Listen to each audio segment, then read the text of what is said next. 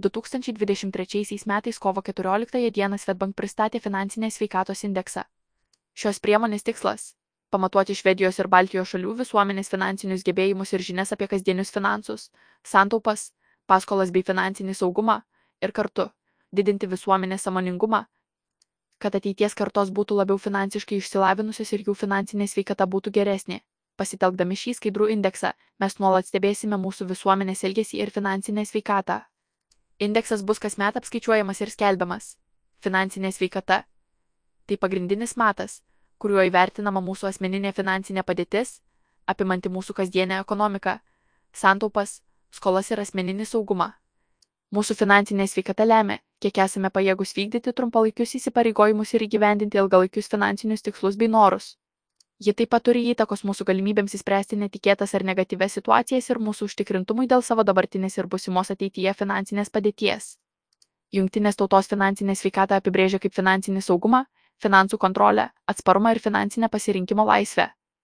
Svetbank pristatytas finansinės sveikatos indeksas sudarytas remiantis 2023 m. sausį kantarės IFO atlikta 4000 asmenų iš Švedijos, Estijos, Latvijos ir Lietuvos, kurių amžius 18-75 metų, apklausa. Indeksas matuoja du pagrindinius rodiklius - finansinės žinias ir finansinės galimybės. Finansinės žinios matuojamos remiantis penkiais pasauliniu mastu standartizuotais finansinio raštingumo klausimynais, parengtais pasaulinio finansinio raštingumo kompetencijos centro. Bendradarbiaujant su Standard POR, World Bank Graph HLL Financial ir Galup. Indeksas apima balus nuo 0 iki 100 ir skiria šiuos lygmenis nulinė 39 pažeidžiama finansinė sveikata, 40-59 nestabili finansinė sveikata, 60-79 gera finansinė sveikata, 80-100 stipri finansinė sveikata. Jei indeksas sudaro 60 ar daugiau balų, jis rodo gerą arba stiprią finansinę padėtį, kai asmo turi asmeninių lėšų perteklių, rezervą nenumatytoms išlaidoms, gerą draudimo apsaugą, kontroliuojamą skolų lygį ir ilgalaikių santaupų. Tai taip pat reiškia, kad asmo turi žinių, reikalingų asmeniniams finansams valdyti ir išmintingiams sprendimams priimti. Aptarkime išsameu pagrindinius dalykus, kuriuos atskleidė apklausa, atlikta rengiant Svetbank finansinės veikatos indeksą visose mūsų namų rinkose - Estijoje, Latvijoje, Lietuvoje ir Švedijoje. Estija. Apskritai galima teikti, kad Estijos gyventojų finansinė sveikata yra gana prasta. Didelė dalis gyventojų nėra sukaupę pakankamai santaupų, nėra apsaugoję savęs ir savo šeimos įvykus netikėtiems įvykiams. Jų pajamos dažnai yra mažesnės už išlaidas.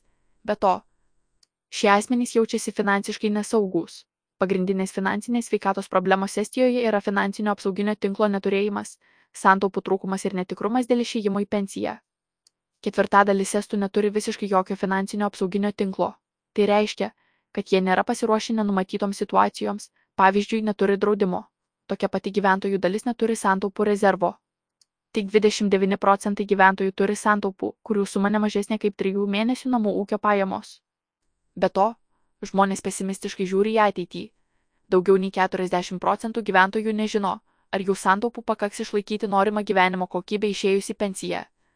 Estijoje nenustatyta didelių finansinės veikatos skirtumų tarp skirtingų amžiaus grupių asmenų nors 18, 29 ir 50-59 metų amžiaus žmonės yra šiek tiek labiau pažeidžiami, tačiau esama didesnių skirtumų tarp skirtingų lyčių asmenų grupių. Vyrų finansinė sveikata yra gerokai geresnė nei moterų vertinant ir finansinės žinias, ir finansinės galimybės, vyrai taip pat optimistiškiau vertina savo finansinę padėtį ateityje. 44 procentai Estijos pensininkų patenka į pažeidžiamos finansinės sveikatos grupę ir tik trečdalis turi santaupų. Estijos gyventojų finansinės žinios yra geresnės nei jų finansinės galimybės. Moterų finansinis raštingumas yra šiek tiek žemesnis nei vyrų. Šiuo atžvilgiu situacija panaši visose šalyse, kur buvo atliekama apklausa. Daugiausia finansinių žinių turi 30-39 metų amžiaus asmenys, o mažiausiai 18-29 metų grupė. Apklausa atskleidė, kad testams būdingas didelis netikrumas dėl jų finansinės padėties tik 20 procentų mano, kad jų finansinė situacija yra saugi, o 40 procentų teigia, kad jaučiasi finansiškai nesaugus. Beveik pusė gyventojų jaučiasi finansiškai priklausomi nuo savo artimųjų ir pašalpų. Tiek pat gyventojų nemano, kad jų santaupa suteikia jiems pakankamą laisvę dabar ir ateityje daryti tai, ką nori. Be to, penktadalis žmonių jaučiasi nekontroliuojantys savo finansinės padėties. Latvija.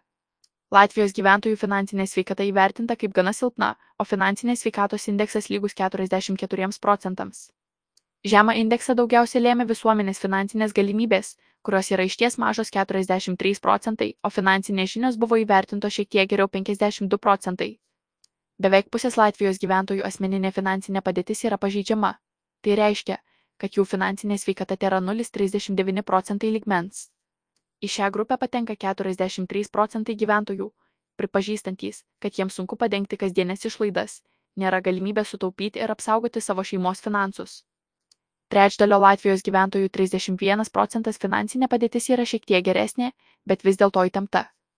Tik 18 procentų Latvijos gyventojų finansinė sveikata yra gera, o stipria finansinė sveikata gali pasigirti tik 8 procentai gyventojų. Apskritai dviejų trečdalių 74 procentai Latvijos gyventojų asmeniniai finansai yra prastai apsaugoti ir tai gali sukelti įvairių sunkumų bei nerimo priimant finansinius sprendimus. Paaiškėjo, kad didžiausia Latvijos gyventojų finansinės sveikatos problema, palyginti su Estijos ir Lietuvos atstovais, yra finansinio saugumo santaupų trūkumas.